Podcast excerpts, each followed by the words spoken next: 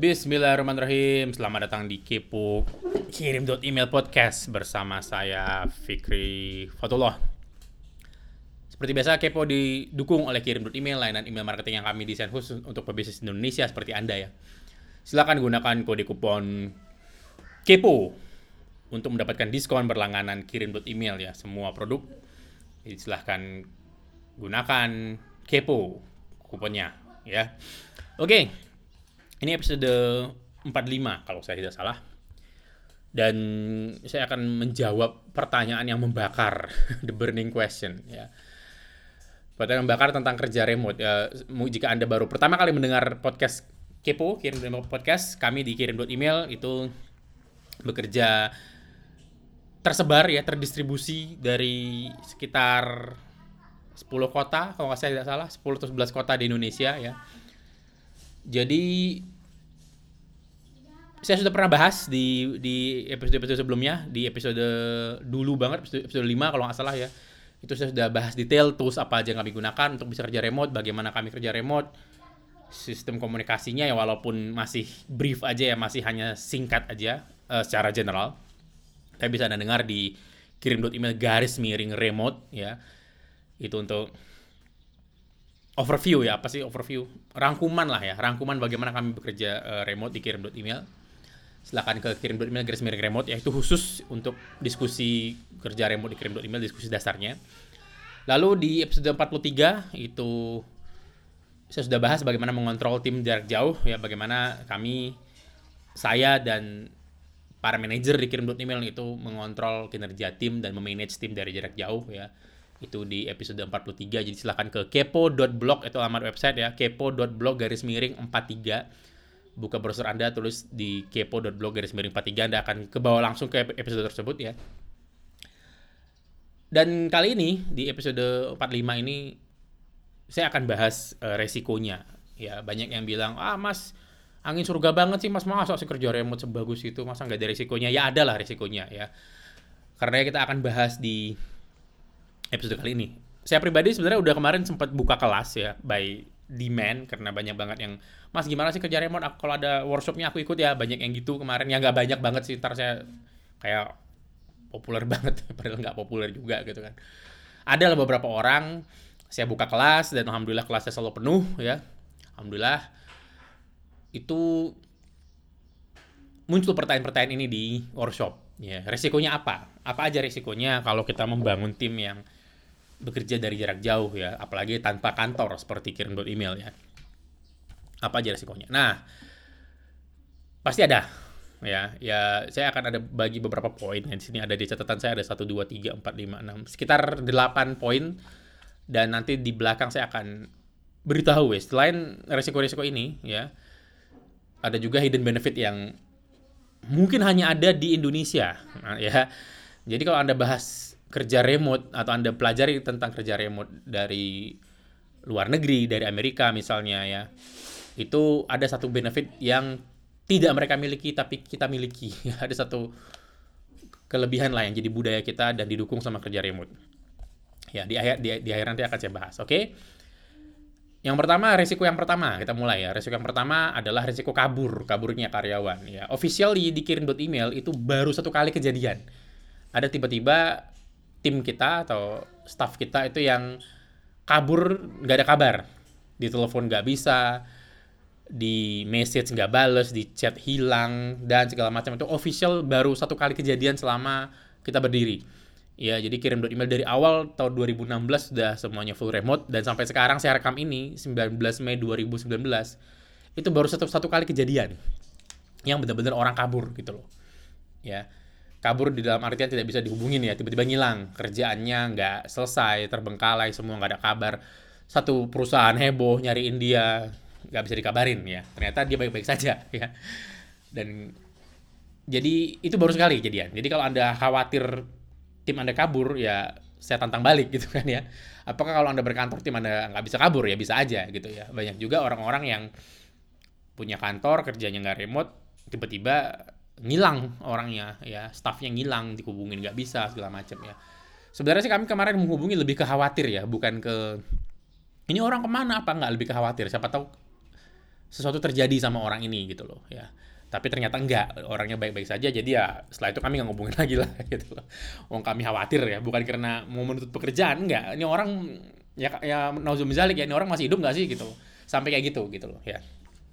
Terus nggak bisa di dikabarinya. Ternyata bukan hanya masih hidup ya beliau sehat-sehat saja. Jadi ya sudah ya.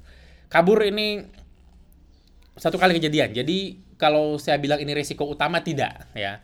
Ya sudah ada sekarang kalau di total-total mungkin sudah ada 100 orang lebih keluar masuk lah dikirim buat email ya. Total uh, total tim kita sekarang ada sekitar 20 25 orang, saya lupa belum ngitung. Dan kalau kita hitung yang sama yang keluar masuk keluar masuk udah ada lebih dari 100 orang dan dari 100 orang ini mungkin baru satu orang ini yang benar-benar kabur dan menghilang gitu loh ya. Yang lain enggak, semuanya keluar baik-baik. Uh, hampir sebagian besar itu ya ada yang dipecat tentu saja ya.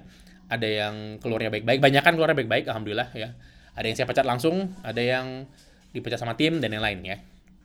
Itu resiko pertama. Jadi di saya itu nggak saya anggap, saking itu jarangnya terjadi ya. Jadi tidak saya anggap resiko itu karena ya atau otomatis saya anggap di sini bukan bukan resiko. Nggak tahu kalau anda ya. Bagaimana dengan kehilangan? Bagaimana, kalau dia kabur bawa aset perusahaan? Nah itu pertanyaan selanjutnya nih ya. Bagaimana kalau dia kabur? Oke dia kabur nggak bawa apa-apa ya udah deh gitu ya. Bagaimana kalau dia kita kasih laptop misalnya, terus dia kabur bawa laptop itu gitu loh. Yang pertama, belum pernah kejadian di kami lagi. Ya, yang kabur kemarin itu nggak bawa barang apa-apa, jadi dia kabur aja, ya udah aman. Jadi saya belum, saya nggak bisa jawab. Tapi buat saya begini, maling adalah maling di mana pun dia berada, gitu. Ya, jadi dia mau kerja remote, kerja di kantor, yang malah lebih beresiko dia masuk kantor toh, ya. Dia jadi tahu dia jadi tahu kantor itu alurnya seperti apa, jam berapa kosong, jam berapa buka, jam berapa orang terakhir pulang, bahkan kebiasaan-kebiasaan orang di situ, kapan dia ke kamar mandi, kapan dia makan, kapan dia pacaran, teleponan misalnya, dia tahu semua gitu. Eh, dan kalau dia punya bakat maling, ya dia akan maling gitu loh. Ya di mana pun dia berada, mau dia di rumah, mau dia di kantor, mau dia di mana pun dia akan maling gitu loh. Jadi ini bukan salah kerja remote-nya. Ya. Jadi ini saya membela diri lagi nih. ini bukan salah sistem kerja remote-nya, tapi memang dasar salah orangnya. Kalau emang dia kabur bawa aset perusahaan ya sudah. Itulah uh, kenapa di negara ini ada pihak kepolisian kan gitu ya, ada hukum yang berlaku bisa Anda laporkan nih orang ya. Karenanya di awal itu kita ambil uh, kita minta KTP dan kita bikin kontrak surat perjanjian segala macam ya untuk mencegah hal-hal seperti ini gitu loh ya. Tapi lagi dikirim email alhamdulillah sejauh ini belum pernah kejadian. Nauzubillahin jalik mudah-mudahan tidak kejadian. Ya, mudah-mudahan tidak kejadian. Ya, saya doa saya seperti itu. Amin ya. Tapi ya lagi seperti yang saya katakan, maling adalah maling di mana pun dia berada. Ya, mau itu saya bikin kantor juga dia masuk ke kantor malah makin bahaya. Yang tadinya dia cuma bawa aset perusahaan yang punya dia, laptop dia doang gitu ya. Sekarang dia bisa bawa laptop orang lain gitu kan. Dia bisa bawa laptop orang lain, dia bisa bawa komputer kantor, dia bisa bawa printer, jadi banyak belanjaannya gitu loh ya. Oke, kabur selesai ya. Jadi resiko kabur sudah saya jawab ya. Ada resiko seperti itu, tapi ya lagi lah bisnis apa bisnis semua punya resiko ya. Yang kedua, pekerjaan yang tidak tidak terkontrol. Nah, ini pertanyaan kedua terbanyak. Bagaimana mengontrol pekerjaan? Ya, jadi ternyata orang Indonesia itu lebih lebih takut orangnya kabur daripada nggak terkontrol. ya. Nah, pekerjaan tidak terkontrol sudah saya jawab sebenarnya bagaimana mengontrol pekerjaan di episode 43, tapi nggak apa saya akan brief bahas uh, sedikit aja di sini. Ada resiko memang orang ya kita tidak bisa meminta dia selalu dalam kondisi kalau katanya Tony Robbins peak performance ya. Kita nggak bisa terus menuntut orang dalam kondisi terbaiknya gitu loh. Pasti ada satu titik di mana dia malas pasti ada satu titik di mana dia tuh nggak mau kerja. Aduh malas eh nggak mau kerja eh gitu loh. Pasti ada ya.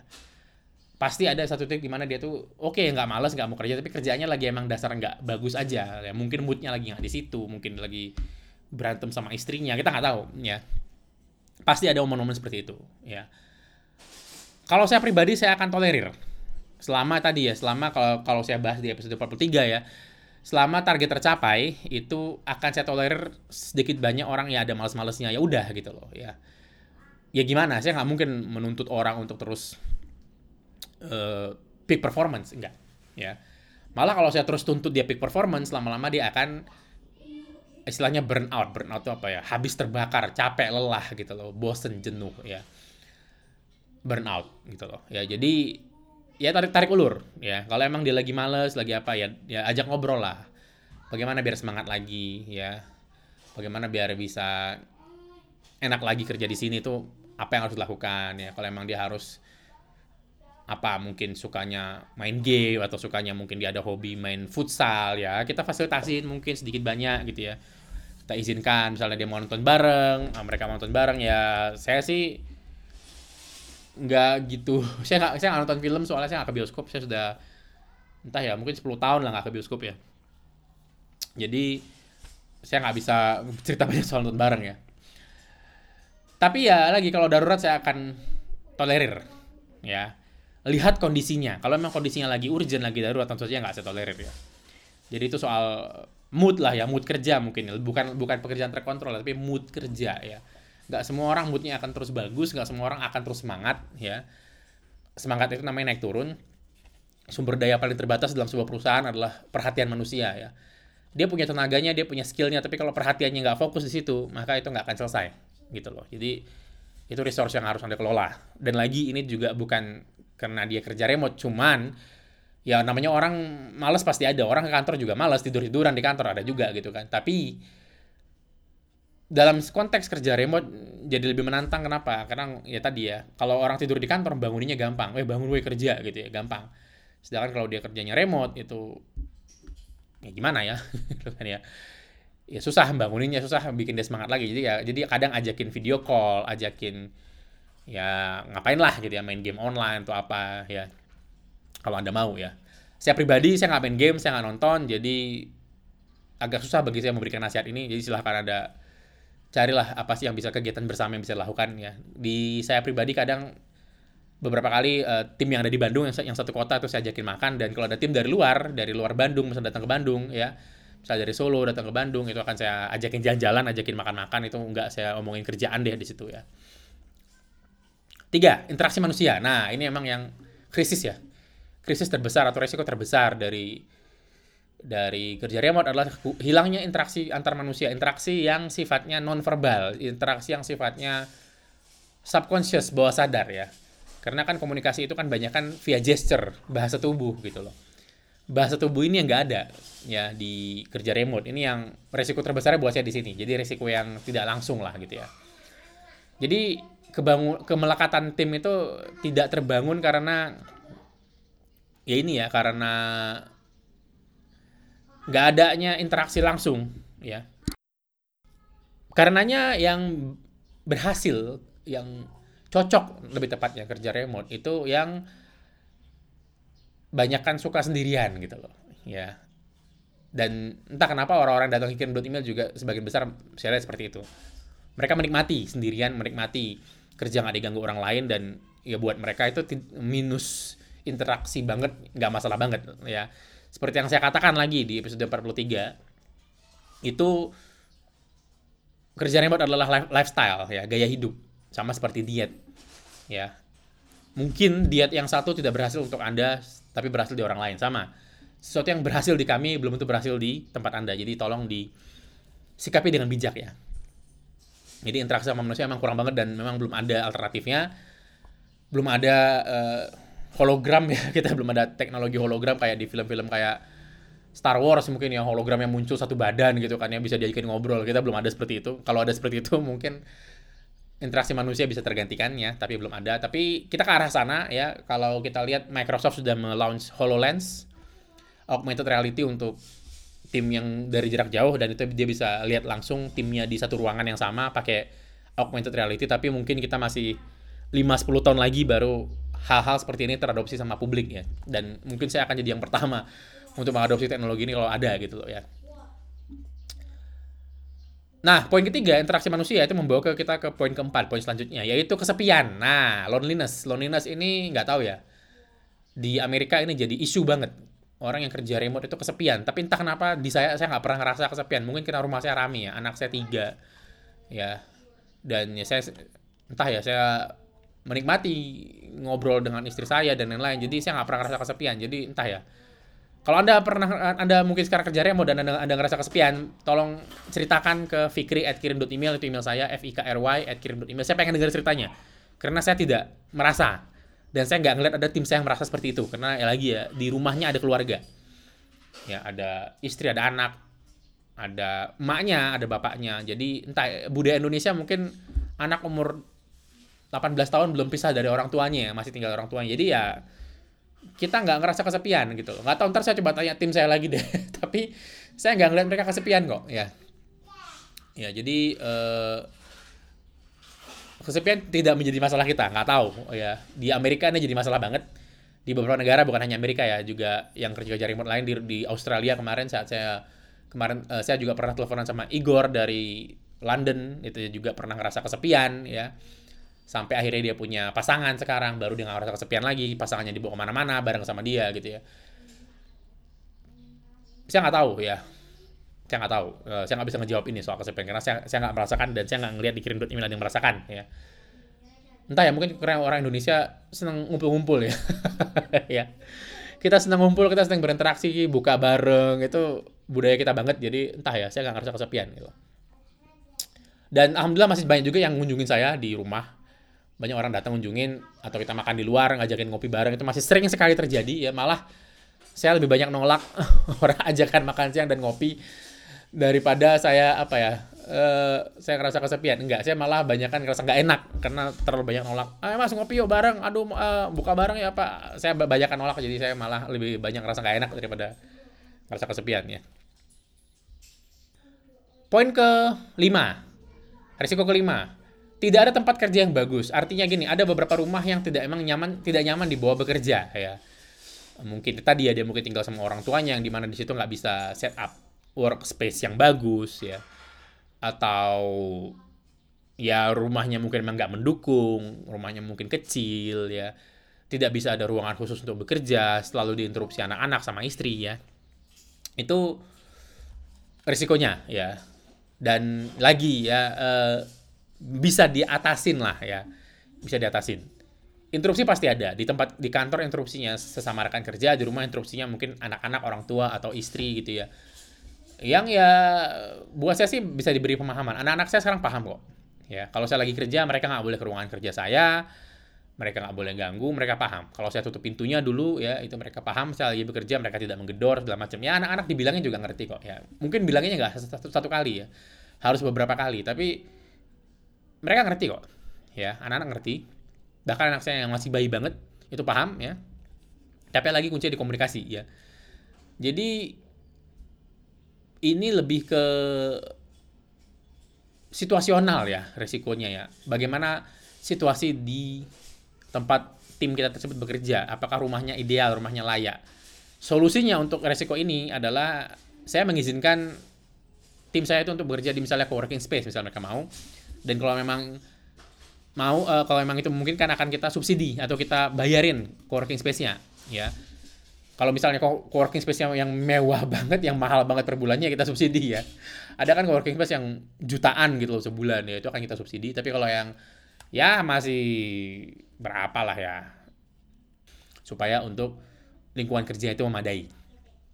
Nah, lingkungan kerja termasuk jaringan WiFi. Ya, walaupun sekarang WiFi semakin umum, pakai data semakin murah, kita sekarang mungkin bisa dapat uh, say 20 giga nggak sampai 100 ribu dan 20 giga itu kalau dipakai hanya kerja ya. Ini kita nggak cerita nonton YouTube dan main game ya.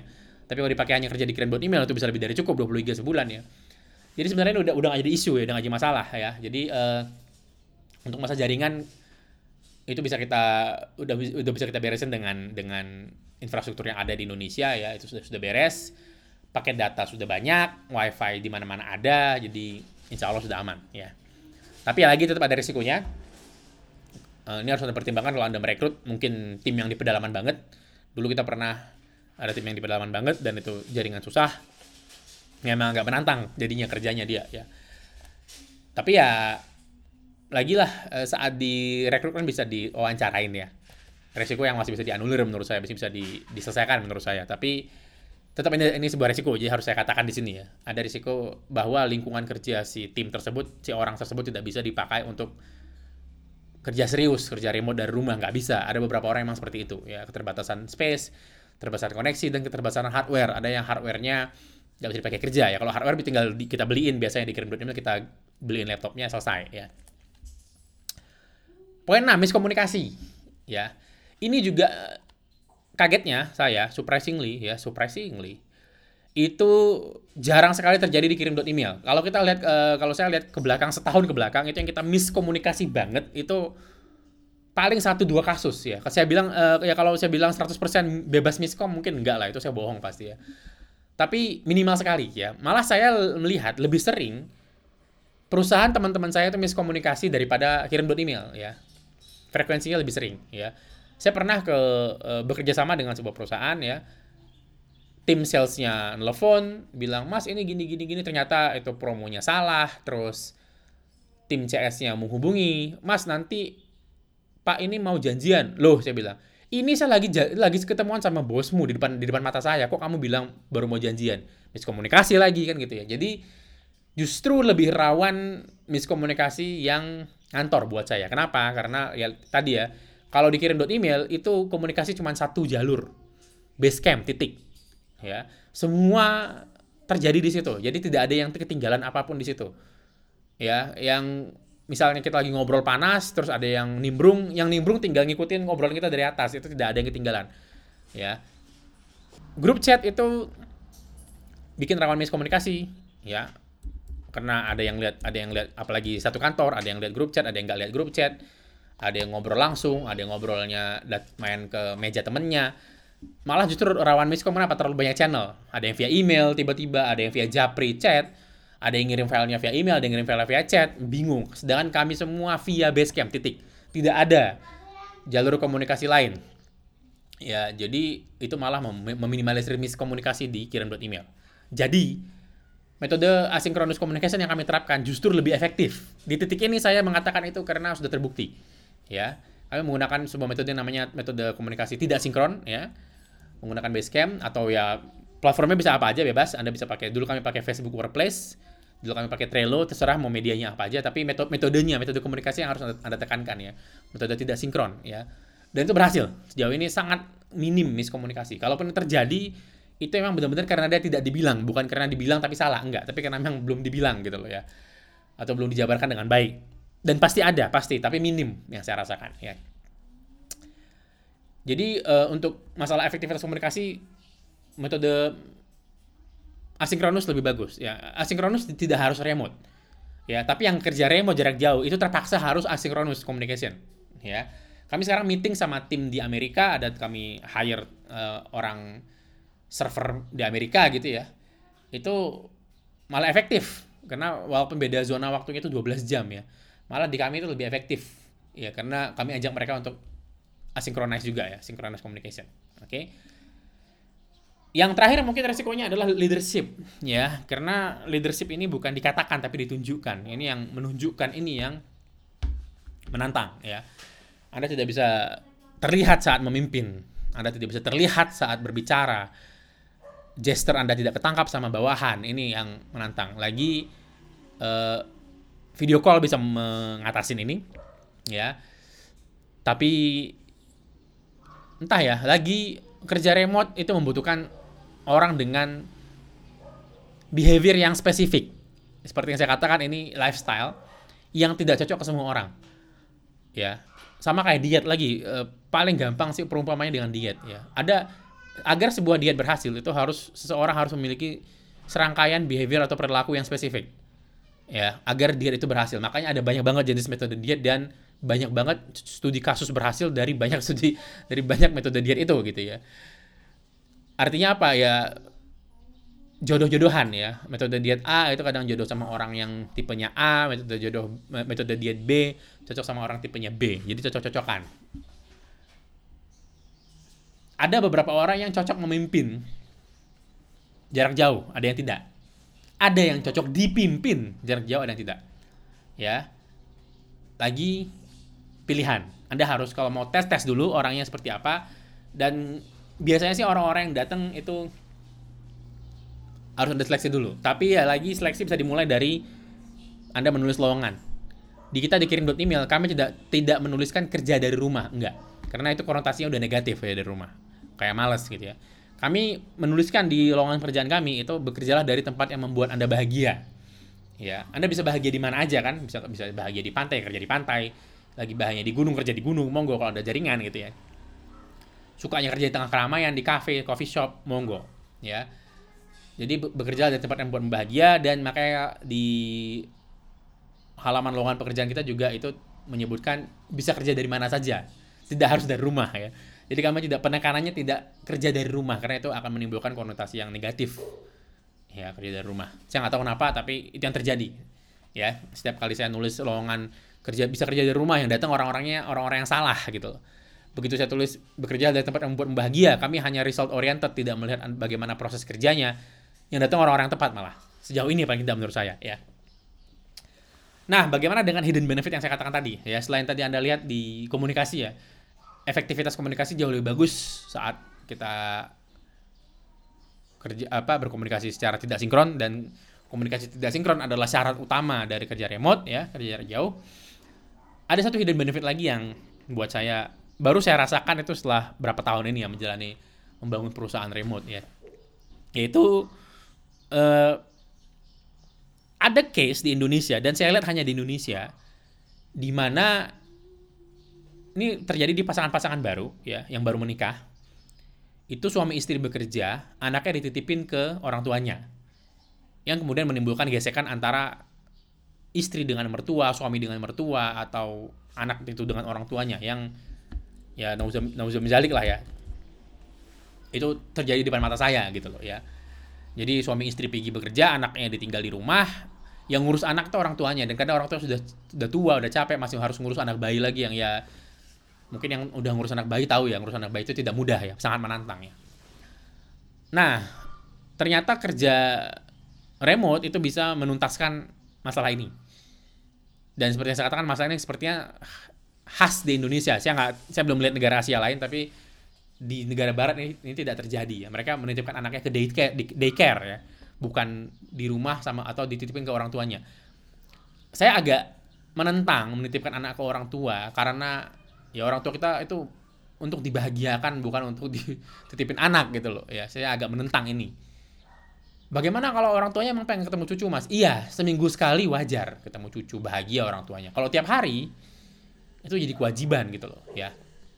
Dan saya uh, saya ternyata saat kita bikin kerja remote itu karena uh, karena suaminya bisa di rumah itu suaminya bisa ngurusin anak ya dan karena istri yang melihat suaminya kerja di rumah, akhirnya istrinya berhenti bekerja dan akhirnya dua-duanya di rumah dan akhirnya anaknya tumbuh dengan orang tuanya. Ya. Inilah uh, benefit yang baru muncul belakangan yang baru saya sadari belakangan setelah berapa tahun kirim email berjalan ya. Saya jadi mengembalikan ayahnya ke rumah gitu ya. Uh, kirim email mengembalikan orang tuanya ke rumah untuk berinteraksi sama anaknya ya lagi ini tidak sempurna. Saya saya nggak bilang ini ini solusi yang sempurna. Enggak tapi at least si bapak itu di rumah diliatin anaknya gitu loh. Walaupun mungkin bapaknya kerja ya tapi anaknya bisa berinteraksi ngelihat curi-curi main bareng curi-curi ngobrol bareng curi-curi nasihatin bareng curi-curi belajar bareng gitu ya. Masih bisa seperti itu karena orang tua di rumah ya. Tiba-tiba di tengah jalan yuk keluar yuk jalan yuk beli jajanan ke ke Indomaret misalnya. Masih bisa seperti itu gitu loh ya. Sedangkan kalau bapaknya dari subuh udah keluar baru pulang lagi malam itu kelihatan pun enggak gitu loh ya. Jadi ini hidden benefit yang baru saya sadari belakangan ya. Ya seperti anda dengar di belakang saya setiap pribadi waktu rekaman podcast ini itu terinterupsi sama anak-anak ya. Jadi tapi karena saya bisa menikmatin ya udah gitu. Saya sudah terbiasa mungkin ya. Jadi saya sudah sudah mulai menikmatin ya. Dan kalau anda dengar eh, podcast saya juga banyak banget beberapa episode podcast tuh yang suara anak-anak saya masuk ya ternyata nggak masalah ya nggak ada yang pernah bahas kok ya ya. Jadi ya it's okay. Ya lagi ini bukan solusi yang sempurna tapi ini sebuah solusi. Kalau anda memilih untuk menjalankannya ya. Jadi yang anda mungkin anda buat perusahaan yang gara-gara itu bapak ibunya meninggalkan anaknya dengan orang tuanya pertimbangkanlah ini ya. Kita mulailah. Karena pribadi yang baik dibangun di rumah dan tidak ada yang bisa membangun pribadi anak-anak yang baik selain ibunya sendiri atau bapaknya sendiri gitu ya. Jadi pulangkanlah orang tuanya ke rumah, didik anak-anaknya ya supaya mereka jadi orang-orang baik dan insya Allah generasi kita ke depan jadi lebih baik karena generasi yang dididik sama orang tuanya langsung ya, bukan dididik sama orang lain lah selain orang tuanya gitu ya. Itu aja mungkin dari saya untuk episode kali ini. Sampai ketemu di Kepo episode ke depan insya Allah ya jangan lupa mengunjungi kirim email itu alamat website kirim email buka browser Anda, tulis kirim.email, dan kunjungi untuk mendengar episode lain dari kirim.email podcast, Anda bisa ke kepo.blog, itu alamat website juga ya. Terima kasih, sampai ketemu di kesempatan lain insya Allah. Assalamualaikum warahmatullahi wabarakatuh.